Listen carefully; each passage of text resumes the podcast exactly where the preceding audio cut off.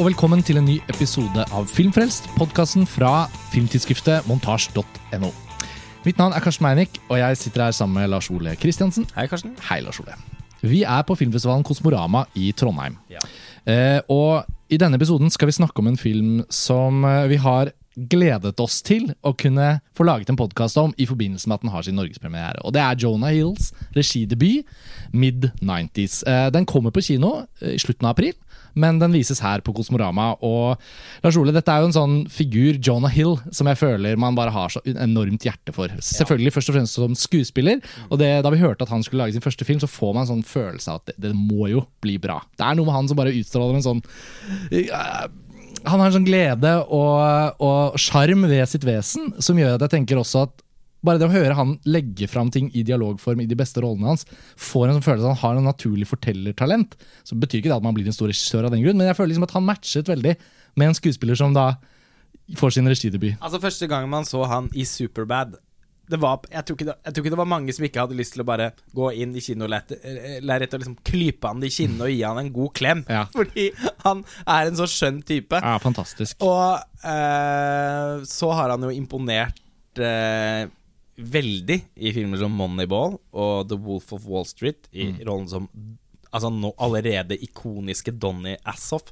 Ble Oscar-nominert for begge de to prestasjonene. Mm. Og så har han gått ned veldig i vekt eh, og på en måte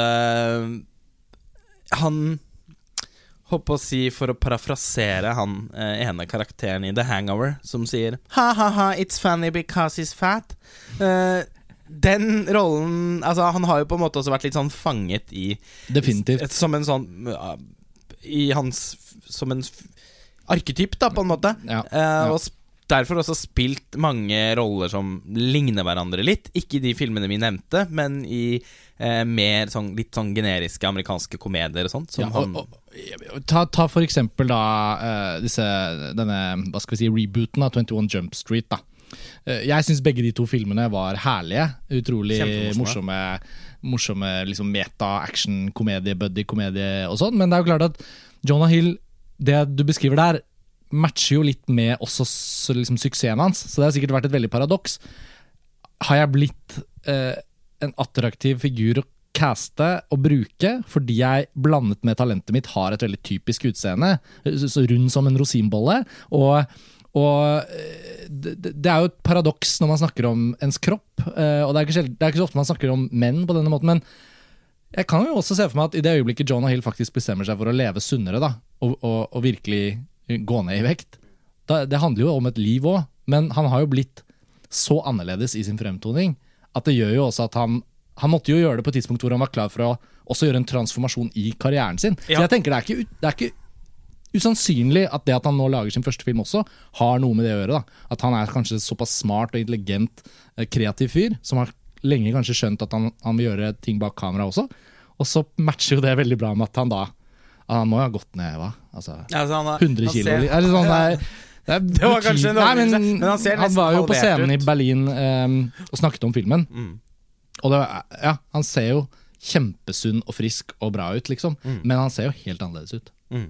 Men utseendet til side, så, så, tenker jeg uansett at det viktige her er at det tar oss jo litt til dette, da, med at han nå er regissør, og at han har laget denne filmen mid-90s. Og, og, jeg føler at det er fantastisk, en film han har blitt så glad i, som vi sa nå innledningsvis. Å se at han er en av de da som kan ta i bruk på en måte berømmelsen, men også liksom posisjonen sin i Hollywood til å få gjennom et prosjekt som dette. For dette er jo ikke da en film som er en sånn typisk sånn, hva skal vi kalle det Altså skuespillere altså Bradley Cooper, da, for å ta han. Uh, A Star Is Born er jo en studiofilm. Det er jo på en måte inn i mainstreamen. Men det Jonah Hill gjør her, er jo i mye større grad å vise at han vil lage film ha, Det er jo virkelig et kunstnerisk prosjekt. Uh, og det er så gøy å skulle snakke om den endelig. Vi har jo uh, varmet opp mye siden vi så den. Og, og det føles som om Jonah Hill ikke bare gjør en form for, for sånn brakdebut, i den forstand at han viser hvor, hvor, hvor, god han er på å lage film, men han har en sånn sensibilitet. Som jeg syns er noe av det kuleste å se. Da tenker jeg bare lyst til å se at han skal lage mer film. Altså, Selv om jeg vil at han skal være skuespiller òg, og, ja. bare rollen hans i Wolf of Wall Street. Tanken på at han har, har det i seg til å liksom, gjøre noe sånt. Uh, gjør jo at man vil at han bare skal fortsette å spille i masse roller, uh, selv om han nå er blitt en litt annen type. da. Ja, og det er jo bemerkelsesverdig hvordan han har klart med mid-90s å lage en skatefilm som føles veldig sånn uanstrengt kul. Altså, eh, den er et tids... Uh, altså, den, den, det er jo et periode... en periodefilm. Ja, ikke sant? Uh, måten den da fremstiller midten av 90-tallet på, Mm. er veldig autentisk, samtidig som Og kanskje da nettopp fordi at tidskoloritten er ganske sånn dempet. Det er ingen Han har ikke heller laget et soundtrack som er sånn vegg-til-vegg-teppe av populære pophits fra akkurat da. Eh, det er ikke det er ikke sånn skrikende, stygg kultur på alle uh, rollefigurer. Altså, det, det er veldig sånn Det er troverdig overgangen mellom Walkman og Discman. Veldig. Ikke sant? Det er, det er noe med det. Det er ikke, det er sånn, det er ikke sånn at en stor, tykk Walkman skriker opp i bildet for å si nå er det 80-tall, 90, tidlig 90-tall. Men det er heller ikke sånn overtydelig sånn eh, Det er ikke liksom Matrix, eh, 1999, Millennium Bug. Nei. Det er, det er veldig åpenbart før det. Og jeg synes han har lyktes veldig bra. Jeg vet at tittelen peker det ut for oss, og vi, kan, vi alle skjønner det. Men det er jo noe med at tittelen også er ment å si at eh, Jeg mener at den da ikke går spesifikt for 1993 eller 94 eller 95 eller 96. Nei, altså, men at den på en måte bare sier at en eller annen gang der, Ja, i midten av 90-tallet en gang, var, så vokste han fyren her opp. Ja. Og sånn var det, liksom. Ja, og, den, eh, og selv om det selvfølgelig da er noen sånne åpenbare tidsmarkører der også, som Og i som- musikk, i soundtracket særlig, da. Ja, ja, men igjen liksom ikke for Det er ikke for on the nose. Det er ikke eh, Det er veldig sånn Han har klart å gjøre noe som ikke Som ganske mange ofte ikke helt lykkes med, føler jeg. At det er et eh, eh, det, det, er ti, det er periode, og det er tidskoloritt, men det er samtidig en sånn Han har funnet en poetisk tilnærming til det. Eh, og filmen er eh, morsom. Eh, Jonah Hills talent for komedie. Han har også bidratt til å skrive en del av filmene han har spilt i. Eh, ikke, som, ikke som manusforfatter helt, men altså, han har funnet på histo historiene i Mm, mm. eh, 21 og 22 Jump Street, Mm, eksempel. mm. Og hans Det skinner veldig gjennom at, at det er en, en filmskaper med, med god humor eh, som, som har laget Mid-90s. Samtidig som filmen også hele tiden har en sånn Det ligger et sånn En litt sånn skygge av melanko, En sånn melankolsk skygge over filmen som også gjør at den bestemt ikke er en komedie. Nei, nei er, du har helt rett, og jeg syns også det at han nailer Filmen har et tonefall som du er liksom på gang med å beskrive nå, da, som er på sitt, på sitt beste da ubeste, ubestemmelige landskapet mellom på en måte Ta Eighth Grade, da, som vi også har snakket om mye i vinter. ikke sant? Eh, eh, portrettet av en tenårings eh, keitete eh, nysgjerrighet, litt mislykkede, men også fine oppvekst. Forholdet til foreldre som ikke er helt optimalt, men likevel fylt av kjærlighet. Det springer morsomme situasjoner ut av det som kanskje egentlig er trist, og så springer det triste ting ut av noe som kanskje ser litt morsomt ut. Jeg føler filmen har liksom utrolig fin balansegang. Eh, og den er så lett å bare tre inn i som publikummer òg. Selv om den ikke har noe særlig til narrativ. Den handler jo egentlig bare om en 13-åring som får noen nye venner og begynner å skate. Og det er liksom basically plottet. Og som har en bror som han ser veldig opp til, og som er veldig slem mot han. Storebroren, ja. Spilt av Lucas Hedges. ja utrolig eh, morsom figur. Uh, som, som, som er slem med lillebroren sin, uh, på en måte. Som juler han opp når, eh, når han oppdager at, uh, at lillebroren har snoket på rommet hans. Og ganske sånn brutalt eh, søsken, dårlig søskenforhold. Og men som, vis, som, som blir avslørt i løpet av filmen som egentlig en litt sånn patetisk type. Som de nye, eldre vennene til hovedpersonen eh, overhodet ikke anerkjenner. Nei, og det, altså for å si, hvis det er noe mer man kan si Jeg vil ikke kalle det helt et plott engang, da. Men inngangen her til filmen er i hvert fall at vi møter denne nydelige lille hovedpersonen. Han spilles av han gutten fra Husker du navnet hans? Sunny Soul-gikk. Ja, det er ikke så lett å huske. Han spiller jo den yngste gutten i familien i The Killing of a Sacred Deer. Ja. Alle som har sett den filmen, vet, vet eh, da hvem det er. Blør fra øynene hans ja. på slutten av det. Um, men, og han er en veldig fin uh, ung skuespiller, sikkert et talent vi kommer til å se mer til.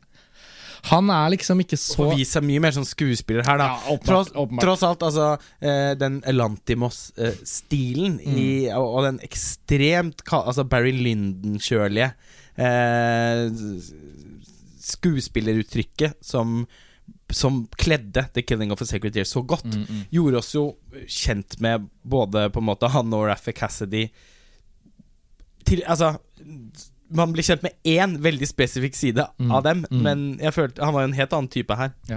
Nei, altså Han er i hvert fall bare helt åpenbart filmens hovedperson, og så, så er han ikke i en spesiell konflikt utover disse krang kranglene med broren. Og så er han og moren som er veldig ja, glad i ham. ja, ikke sant? Så det er egentlig veldig sånn greit i starten, Ja. og så oppdager han på en måte Eller så ser han inn i denne skatebutikken, som sikkert ikke er så langt unna der de bor, et sted i Los Angeles. Og så går han inn og liksom bare og det er sånn det er så gjenkjennelig følelse fra en sånn viss periode av livet da man liksom kanskje var ute og gikk litt for seg selv. Eh, ikke sant? Eh, som jeg tror begge vi var fa altså, Gå inn i en platebutikk eller en filmbutikk den gangen. Bare s- s- se på ting. Du har kanskje ikke dine egne penger, så du kan kanskje ikke egentlig kjøpe noe, men du går og ser litt, og så hører du noen kule folk, litt eldre, som står og snakker om noe kult, og så bare syns du den verdenen der virker som noe du vil være en del av. Og det er egentlig hele inngangen til denne filmen. At han, sånn som sikkert så utrolig mange, f.eks. skating, da, men ikke sant, man kan plukke mange sånne fritidsaktiviteter som ville passet med det. Men den sosiale dynamikken som oppstår når det fins en sånn aktivitet som er veien inn. Han er jo kanskje ikke spesielt opptatt av skating, men han ser at det er det som skjer, og de er kule også. Og så får han liksom komme inn.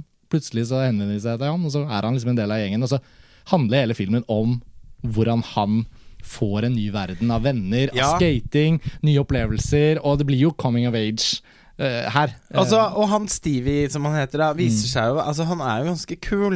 Og han har blitt eh, på en måte veldig undervurdert hjemme av broren sin. mm. Og Moren så- ser på han som et lite barn fortsatt, Ja. og broren er bare slem. Ja. Så han, han har liksom Nå, nå, oppdager, nå, er, nå oppdager han jo liksom får lov til å flekse noen av eh, Altså, han, er, han, er, han har god humor.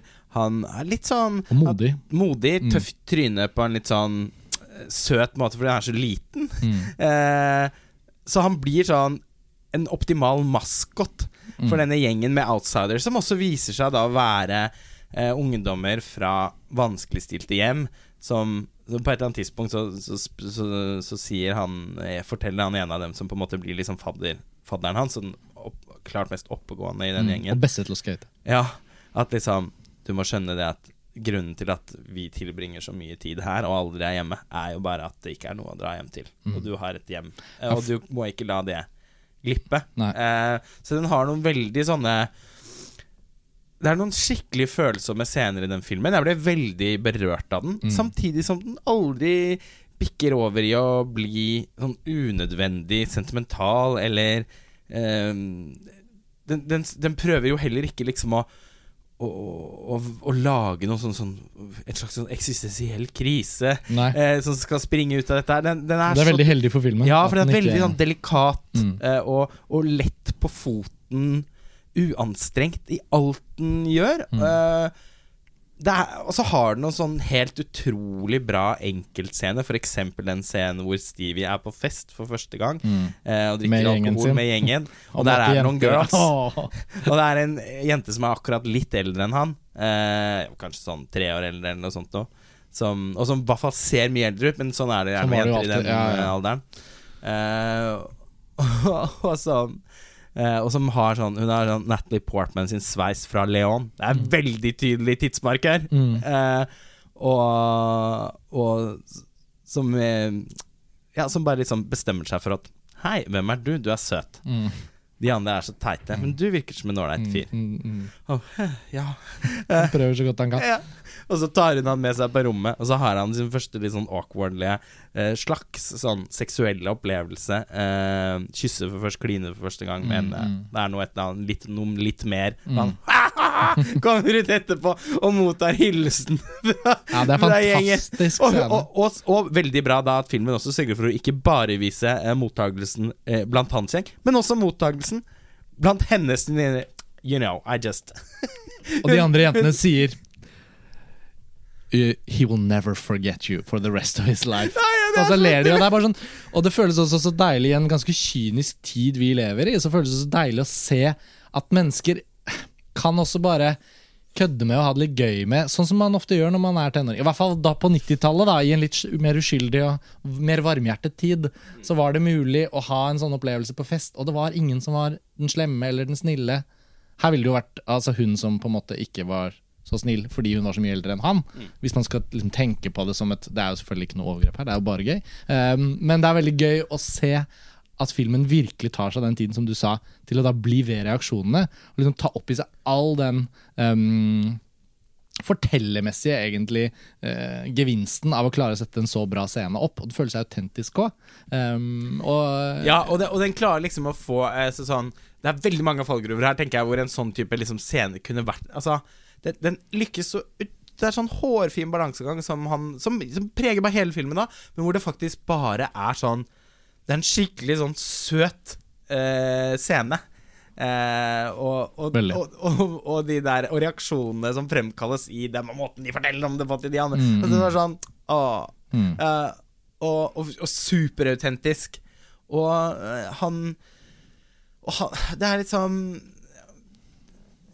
ja, Filmen Og den har jo, som du var inne på i stad, på en måte Det er jo ikke noe sånn historie fra A til Å som fortelles. Det er på en måte noen sånn små overgangsriter. Mm. Eh, noen enkeltøyeblikk, enkeltscener, som på en måte gjør at de forskjellige bitene av filmen til slutt smelter sammen. Mm.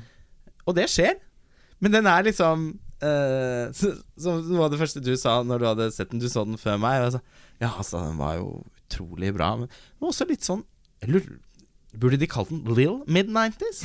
Eller Lill 90s? Eller Lill 90s ja. fordi, eh, fordi, den er jo også på en måte eh, den, den, er jo også så På en måte så vidunderlig liten. Hadde det vært litteratur, så hadde det jo vært en novelle. Og dette er, ikke, dette er jo ikke en kritikk av filmen. Jeg bare påpeker at uh, For det første så hadde jeg jo så glede av den. Da den var ferdig, så syns jeg den var Altså hva? Skulle det ikke være mer? Ja, Fordi jeg følte jeg var, ikke sant, jeg var, ikke sant, Det var et litt sånn kort album hvor du liker alle låtene.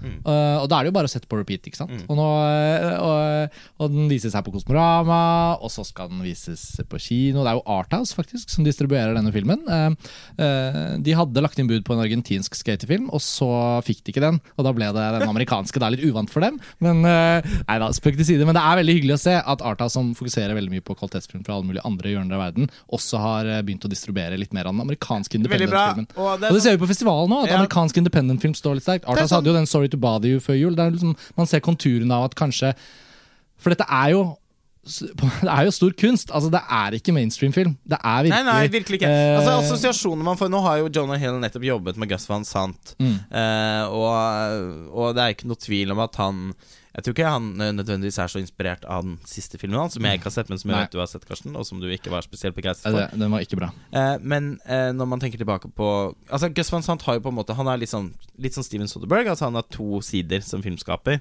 Eh, og de siste ti årene har det dessverre blitt nesten bare den, eh, den litt kjedelige siden hans. Men mm. Eh, når Gus Van Sant er på sitt mest poetiske, eh, så er han jo en av moderne tids største filmskapere. Mm. I mesterverker som Elephant og Paranoid Park. Og Paranoid Park er jo en skatefilm. Mm. Vanskelig å ikke tenke på den underveis. Og man kan den jo, hadde jo også den kornete, ja. eh, analoge teksturen. Eh, og det har vi jo, det er jo Mid-90s som er også skutt på 16 mm av Christopher Blauvelt, som eh, fotograferte denne litt dårlige, men forrige filmen til Gus Van Sant, men som også da har fotografert Bling Ring eh, til Sofia Coppola. Så man ser jo liksom, Den er jo veldig digital, for så vidt, men ja. likevel det er noe med hele sensitiviteten og liksom miljøet. Ja, det er noe sånn det er noen fine mønstre der. Ja, og det er Midnighties er i hvert fall helt sensasjonelt eh, vakkert fotografert. Mm. Det er jo sånn foto man alltid drømmer om. Academy ratio. Liksom, Academy ja. ratio 16 mm tekstur. Mm. Dog, jeg oppfattet ikke dette som 16 mm da jeg så den. Jeg trodde det var 35 mm. Jeg tenkte heller ikke på det. Nei, for det er ikke sånn eh, skrikende Jeg bare tenkte at det er film. Det er ikke eh, skrikende 16 mm. Ja, men noen 16 mm-filmer Og det er ikke Cassavetes 16 mm. Nei, ikke sant? For det, for det, og, så, så, sånn sett så er den ganske sånn den ser mer, Skarp, på en måte. Ja, den ser mm. på en måte mer ut som 35 enn 16, syns jeg. Men fantastisk sånn dype, blekkesorte mm. svartnivåer. Mm. Eh, eh, helt utrolig vakkert kameraarbeid. Eh, det var jo på en måte Da var jo filmen liksom egentlig bare helt ti av ti med en gang, når, den- når den ser så fantastisk ut. Men eh, Og og så har den et soundtrack av Trent Reznor og Atticus Ross, som er en slags pastisj på Philip Glass. Og det var, kom så helt rett inn fra venstre. Hadde ikke For det første så hadde jeg glemt at de hadde soundtracket til filmen. Da jeg satte meg ned for å så den, og bare Oi, hva er dette? Å, wow, det stemmer! Trent Reznor og Atticus Ross. Og så, i tillegg at det skulle vise kan Jeg har ikke registrert noe sted at, den, at det var liksom en sånn åpenbar Philip Glass-pastisj. Utrolig bra! Ja, og veldig heldig for filmen, fordi når, når noen hører ordet skatefilm, så tenker man at det er en type film som umiddelbart er liksom lett kategoriserbar fordi den har noen klassiske klisjeer som man forventer seg. og sånn og sånn.